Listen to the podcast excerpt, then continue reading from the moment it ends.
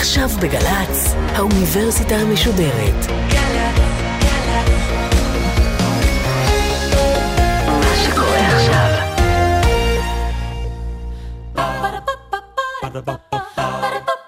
Ba-da-ba-ba-ba 50 שנה למלחמת ששת הימים. האוניברסיטה המשודרת במהדורה מיוחדת על הזירה הצבאית במלחמה ששינתה את פני המדינה. והפעם, טלי ליפקין-שחק בשיחה מסכמת עם הפרופסור מוטי גולני, ראש החוג לתולדות עם ישראל באוניברסיטת תל אביב, על היום השביעי, היום שאחרי הניצחון הצבאי.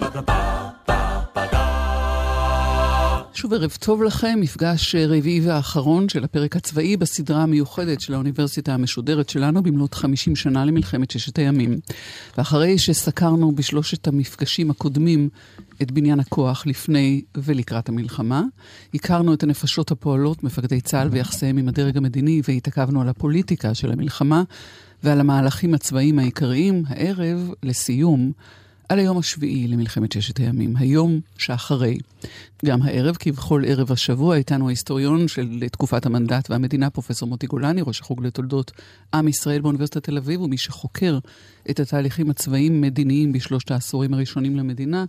שוב, שלום לך, מוטי. ערב טוב. ואני מבקשת לשאול, ישר ולעניין, הדרג הצבאי ו/או הדרג המדיני ידעו מה לעשות עם הניצחון המסחרר הזה ביום השביעי? אני חושב שאי אפשר לצפות שידעו לא בדרג המדיני ולא בדרג הצבאי מה לעשות עם אה, הישג שהיה לא צפוי עד כדי כך, כמו זה של 1967. ונדמה לי שהשאלה צריכה להיות במקרה הזה, מה ניסו לעשות בעקבות ההלם, או מי התאושש ראשון מההלם. ואני יכול לומר שמי שהתאושש ראשון היה הצבא. לאו דווקא כי מדובר בהכרח באנשים יותר טובים, לא, לא, לא זאת הנקודה, אלא אולי בגלל הרגלי עבודה וחשיבה. כלומר, היה צריך לומר לצבא, ליחידות בשטח מיד, מה עושים מחר, ו- ואיך פועלים. ובשלב הבא באה באמת החשיבה לטווח יותר ארוך, כי הצבא מורגל בעבודת מטה של הכנת תוכניות, מה שעבד פחות סביב ממשלת ישראל. גם עבודת uh, מטה של uh, הצבא בהקשר הזה לא יכלה להתקיים במלחמה שהתנהלה בסך הכל שישה ימים, ואיש לא צפה מראש שהיא תגיע למקומות שהיא הגיעה אליהם. נכון, נכון. אז אף על פי כן, כבר באותו שבוע של לחימה התחילה חשיבה. בקשר ל, ליום השביעי. אני אומר שוב, בשתי רמות, ברמה של אה, האופרטיבית, מה, איך נערכים להמשך, וגם לטווחים יותר ארוכים. אני אגיד שיש לנו עדות של תת-אלוף במילואים, ירחמיאל דורי, בנו של רב-אלוף דורי, הרמטכ"ל הראשון, אה, שהיה קצין ההנדסה, מספר כיצד מיד עם תום הלחימה קיבלו הנחיה, ההנדסה, לנקות את האזור של הכותל מהבתים הצמודים אליו. ולפנות את הרחבה הזאת כדי שבשבועות כבר תהיה שם התכנסות uh, המונית. חזרנו אל, uh, אל הכותל. אל בורות המים ואל בורות ולכיכר. המים. כן. אני, אני, רוצה, אני רוצה לנסות להציג את המורכבות של התקופה בלי להיות סנגור או קטגור אה, של, ה, של העניין הזה. זוהי רק עובדה אחת כן, שמצביעה כן. אולי על חשיבה או חוסר חשיבה. אני חושב שאת מעלה בצדק את הדרמה של אה, שכונת המוגרבים, של הרחבת הכותל, אבל אני, אני רוצה לנסות להציג את זה במורכבות של העניין, בלי להפנות, אה, נגיד, אצבע לכאן או לשם. אני חושב שהמבוכה הולידה מחד גיסא חשיבה מהירה ובלתי מתחשבת במציאות, אלא הרגל. כלומר, הפקודה הראשונה שירדה אל הכוחות זה להתכונן לקיפול מהיר חזרה לגבולות 67, כי בהינתן שבוודאי יש הסכם שכרוך בנסיגה ישראלית, עם הסכמה, בלי הסכמה, זה מה שיהיה. כי כמו שהתכוננו למלחמה הקודמת, התכוננו גם לסיומה של המלחמה הקודמת. ואם לקח אז לצה"ל שלושה, ארבעה, חמישה חודשים לסגת, זה פחות או יותר מה שיהיה הפעם, טבעי ומובן. העניין הוא שהפעם נלווה אל המהלך הזה, ואני עדיין ברמה, ברמה של הצבא, עניין נוסף. שבעיקר בדרג של המטכ"ל והאגפים הכפופים לו הבינו שאין בעצם את אותה דרמה של 56 הפעם. אין לחץ אמריקאי, אין לחץ של הממשלה על צה"ל, אין. ואז בעצם לצד העשייה השגרתית החל להיווצר איזשהו ואקום. ומישהו היה צריך להיכנס לוואקום הזה. וכמו ב-1948, כמו ב-1956, הראשונים שנכנסו לוואקום היו הצבא. שוב, כי אין משהו מקביל במערכת המדינית. והצבא נכנס עם רעיון להקים איזושהי ישות מדינית פלסטינית, לפחות בשלב ראשון בצפון השומרון, כי הפחד הגדול, וגם זה עניין שבמסורת, היה מה לכל הרוחות עושים עם אוכלוסייה פלסטינית כל כך גדולה. צריך לזכור שגם בספטמבר 1948, וגם אחר כך בנובמבר 1956, הייתה רתיעה ישראלית ברורה, שגם נאמרה, לא משתלטים על אוכלוסייה פלסטינית. או שמעודדים גירוש, יציאה, או שנמנעים מלכבוש. פה גירוש כמובן הוא לא אופציה, ומי שעושה את העבודה הזאת זה חטיבת המחקר באמ"ן. נכון, והם מציעים הצעה, אבל הם נתקלים באוזניים אטומות. שוב, לא כי מישהו חשב שהם טועים, אלא כי בעיקר לא חשבו ונתנו לוואקום לצמוח ולצמוח. מי שייכנס לוואקום בהמשך זה המתנחלים, אבל זה אה, סיפור מאוחר יותר. אני חושב שהדבר המשמעותי ביותר זה דבר שהביא ההיסטוריון אה, אבי רז בספרו, שעדיין לא ראה אור בעברית, אבל הוא מביא ציטוט של אשכול שדיבר על השטחים ועל הערבים היושבים בם הפלסטינים כנדוניה וכלה. הוא אומר, השטחים זה נדוניה, אבל מה לעשות שאיתם באה גם הכלה. ואז בעצם הם מתחילים לחשוב, רגע, יש פה נדוניה, נדוניה רצויה, קלה פחות רצויה, מה עושים עם העניין הזה? ואני חושב שהשלב הבא היה, ואנחנו עדיין בקיץ 67, לא בהחלטה של הממשלה. מה החליטה הממשלה? אנחנו נאמר מיד. אלא באיזשהו דבר שלא היה פורמלי, אלא בא לידי ביטוי. ביטוי חוזר ונשנה בהתבטאויות של המנהיגות הפוליטית וחלחל אל הצבא. התחילו לדבר לא על השטחים הכבושים, אלא על השטחים המוחזקים. ויותר מזה, לא הייתה אמירה, אבל היה ברור שכשאומרים ישראל, מתכוונים לארץ ישראל המנדטורית. כלומר, לשטח שנכבש פלוס רמת הגולן, כאיפה יהיו ערבים, איפה לא יהיו ערבים, כלומר, מתחילים להתייחס אל זה בשלנו, וכאן בא עניין שהוא לדעתי המרכזי. מעבר לחרדה שפרצה בעוצמה אדירה עם המלחמה, אני חושב שהיו כאן זרמי מעמקים שלא קשורים רק לעניין שבמסורת יהודית. לא, לא, לא. אלא למשהו הרבה יותר כללי. כאשר uh, uh, מדברים למשל על מה שאירע לפלסטינים בנכבה ב-48, אי אפשר לדבר על גירוש, סתם, אלא על מה אנשים פנטזו, על מה אנשים חלמו. אנשים חלמו בעצם על ארץ ללא עם, לעם ללא ארץ, כלומר, על שטח בלי ערבים. גם מי שהיה הומניסט או מוסרי ולא רצה לגרש, מבין? החלום היה קיים. מה קורה כשהחלום מתגשם? אתה בעצם מבין שכבר היית שם. זו מציאות שכבר פינטזת אותה, כבר רצית בה, והנה היא מגיעה. אותו הדבר, מה שקורה עכשיו. ההשתלטות על כל ארץ ישראל המנדטורית, ישראל המערבית, הייתה קיימת אפילו, אפילו לא ברמה הפוליטית, אפילו בגין. ערב מלחמת ששת הימים כבר נסוג מהדרישה לכבוש את הגדה המערבית, שלא לדבר על הצד השני של הירדן. אבל זה היה קיים, זה היה קיים שמאל, ימין, מרכז. זה קשור לצורך שלנו אה, להיגמל מהקלסטרופוביה של מדינה עם מותניים צרים? אני חושב, בוודאי, בוודאי כן, אבל גם קשור לאיזושהי תחושה אה, עמוקה של שייכות. שייכות, תראי, הפרץ הדרמטי ביותר, או במקביל לפרץ ההתנחלות על כל סכנותיו, היה הפרץ האדיר שלא מדברים עליו, של ידיעת הארץ. היה נחשול אדיר של טיולים, של מחקרים, של כתיבה על הארץ. כלומר, איזושהי תחושה של לחזור ולדעת את הארץ שלנו. שוב, גם כאלה שחשבו אחר כך שצריך לסגת משם, לא יכולים שלא לנכס לעצמם את הארץ, וכמובן, הבעיה הייתה לא עם הנדוניה, אלא עם הכלה, שלא הלכה לשום מקום. שאלה הם הפלסטינים. אבל נשאר עם הצבא, האם הצבא רואה פה הזדמנות אסטרטגית, או נטל אסטרטגי?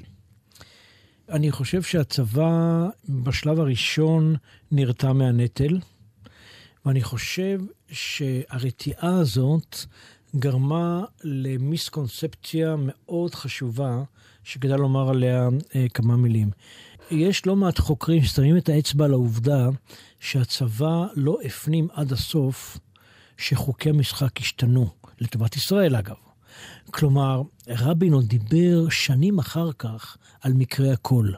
מקרה הקול היה כינוי למתקפה נוסח מאי 48 של פלישה כל ערבית לתוך מדינת ישראל, מה שהיה נכון בתוכניות המלחמה עד דיין ב-54.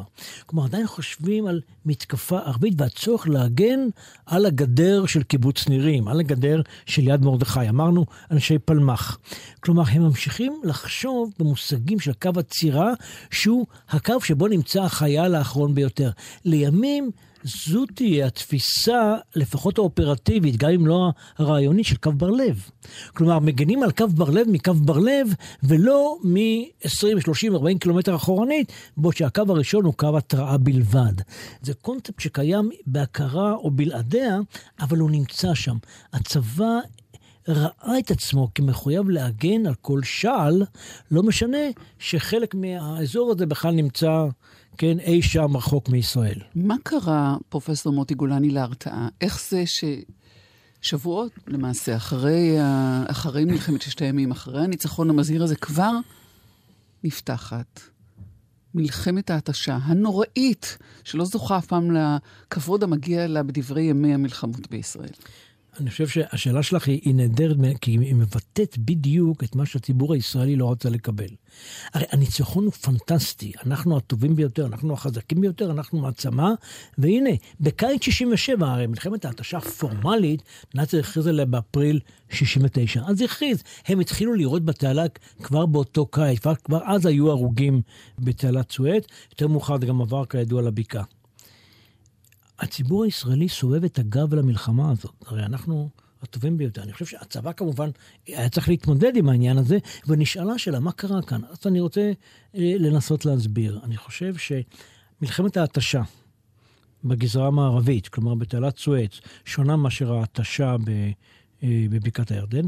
מלחמת ההתשה המצרית לא הייתה מכוונת נגד ישראל. היא הייתה מכוונת נגד וושינגטון, נגד ארצות הברית.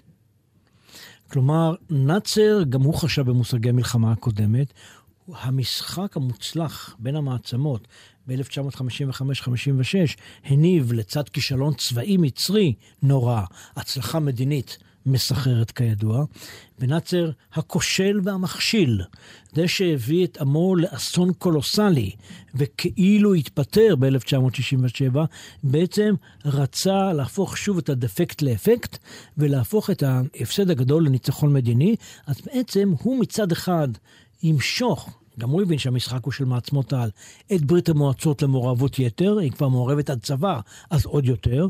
בבקשה, שצה"ל להילחם נגד אה, מטוסים וטילים של ברית המועצות, כי הרי ברור, הנחיתות המצרית הייתה ברורה לו, זה לא, הוא לא היה צריך שיסבירו לו את זה, אבל המטרה האמיתית הייתה שבסופו של דבר, ארצות הברית תצטרך להחליט, או שנותנים לישראל לחטוף, שתלמד לקח, ואז מה טוב, ואז היא תיסוג מסיני ללא... ללא תנאי, והוא יוצא שוב גיבור. הנה, המלחמה הקודמת, 56, או שירסנו את צה"ל ויגידו לישראלים עד כאן.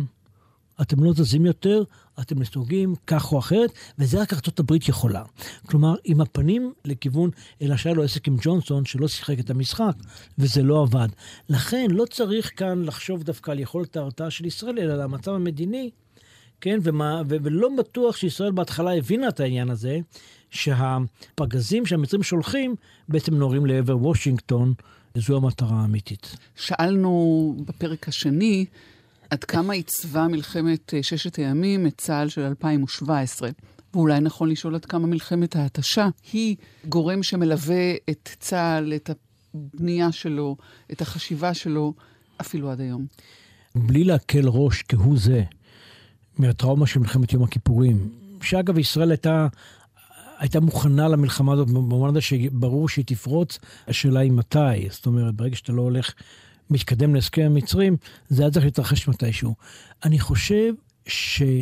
הטראומה של ההתשה קשה לא פחות, דווקא בגלל ההכחשה. לא טיפלו בעניין הזה. נהרגו כ-500 חיילים, אני מתכוון, לא, לא, רק, לא רק בתל הצואץ, גם בבקעת הירדן, שם התחיל סיפור אחר שגם עליו צריך לומר מילה. אני חושב שההכחשה הזאת יצרה איזושהי מוגלה שמעולם לא טופלה. במשך כשלוש שנים, יום ועוד יום נהרגים, לא חייל אחד, כמה חיילים, וכאילו כלום. והפער הזה בין החזית לבין האור, הפער שהמרחק הגיאוגרפי אפשר, לא עשתה את העניין הזה למדמם פחות. ו- ויש לי הרגשה, יש לי הרגשה שהטראומה של מלחמת יום הכיפורים נבנתה על ההתשה. והכל סביב הסירוב לראות מעבר ליום השישי של מלחמת ששת הימים. כל כך מוצלח, כל כך חזק, כל כך אלגנטי, שלמה להתעסק עם ההמשך. הזכרת את הבקעה, ופה אולי הרגע לשאול איך הייתה מתנהלת מלחמת ששת הימים ללא ירדן. איזו, איזו מדינה הייתה לנו היום, ועוד לפני זה, איזו התנהלות צבאית הייתה אה, בחזית המזרחית.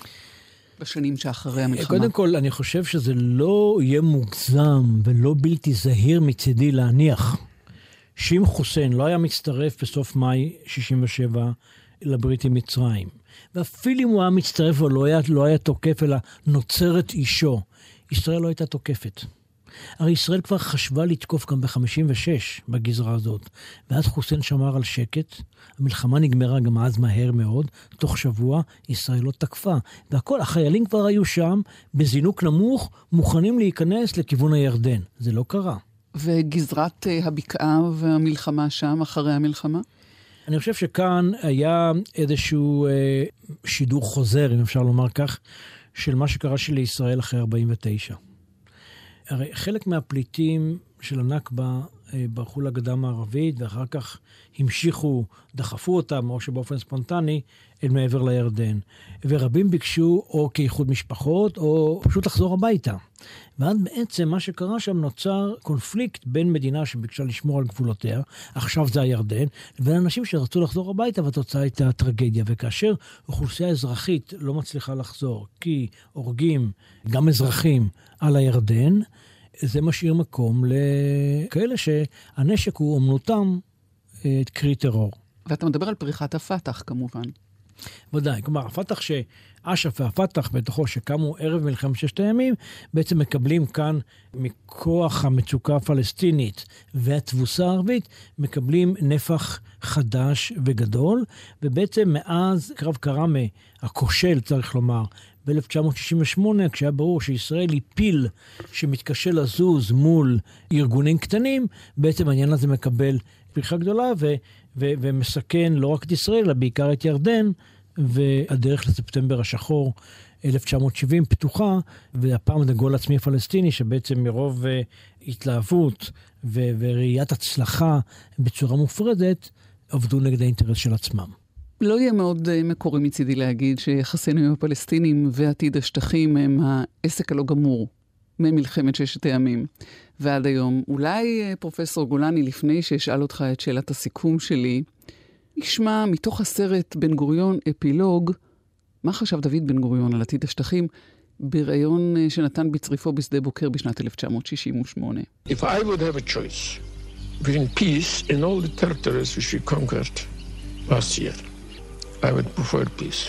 Because I know that within the boundaries which you got before the Six Days War, we could settle as many Jews as are, li are likely to come within the next 20 or 40 years. It was our country, it was never the country, it was never a Palestinian people. לו הייתה לי בחירה בין שלום לבין כל השטחים שכבשנו בשנה שעברה, הייתי מעדיף את השלום. כי אני יודע שבתחום הגבולות שהיו לנו לפני מלחמת ששת הימים, יכולנו ליישב את כל היהודים הצפויים להגיע בין 20 ל-40 השנים הבאות. אומר בן גוריון, הוא מוסיף, זו תמיד הייתה ארצנו, מעולם לא היה עם פלסטיני ומעולם לא הייתה מדינה פלסטינית. אך אם uh, זאת במטרה להשיג שלום, הייתי מחזיר את כל השטחים שנכבשו למעט ירושלים והגולן. האם אה, לדעתך, פרופסור גולני, יהיה נכון לראות בתוצאות מלחמת ששת הימים את אה, מה שטוענים שהוא תחילת הספירה לאחור לסוף המדינה היהודית כפי שהיא הוגדרה במגילת העצמאות, כפי שחזו אותה אבות הציונות? היסטוריון אה, אה, בקושי יודע מה היה, או בוודאי לא יודע מה יהיה. היסטוריון יכול לתרום משהו בלהסביר את מה שהווה, מתוך הנחה שהיסטוריה היא תהליך. אין אירועי פתאום. דברים לא קורים יש מאין, אנחנו נמצאים על תהליך. אין ספק. שמדינת ישראל, שקמה בצלמו ובדמותו של החזון הציוני, של הרצל, של ויצמן, של בן גוריון, של ז'בוטינסקי, מדינת ישראל הזו חדלה להתקיים ב-67. האם לתחילת הספירה לאחור? זו שאלה טובה. אני כן יכול לומר, שמד... לומר היום שמדינת ישראל הזו לא קיימת. כלומר, המגמות שמובילות את ישראל היום, חלק יגידו נפלא, חלק יגידו נורא, לא לי לומר כרגע. המגמות, המגמות הללו בעצם זרות לחזון הציוני, שאמר בקיצור נמרץ, מינימליזם טריטוריאלי, מקסימליזם לאומי. אני אומר עוד פעם, מינימליזם טריטוריאלי, מקסימליזם לאומי, כלומר, מדינה שרובה יהודית, זה אומר על חשבון טריטוריה, כי הארץ לא ריקה. וזה גם אומר, והחזון הזה, שאנחנו רוצים לא להיות עם מכל העמים, לא עם לבדד ישכון, אלא ככל העמים. החזון המרכזי, בקיצור נמרץ של הציונות, זה נורמליות. ואת זה במידה רבה הפסדנו במו ידינו. האם הדרך חזרה או לאיזשהו מקצה שיפורים פתוחה, זה כבר ויכוח פוליטי. פרופסור מוטי גולני, תודה רבה לך על השיחה הזאת, תודה רבה לך על ארבעה מפגשים uh, מרתקים. תודה לכם שהאזנתם לנו. הפרק הצבאי באוניברסיטה המשודרת לרגל 50 שנה למלחמת ששת הימים מסתיים כאן, ועוד הרבה יש שצריך וייאמר. ערב טוב לכם, אני טלי ליפקין-שחק. היו שלום.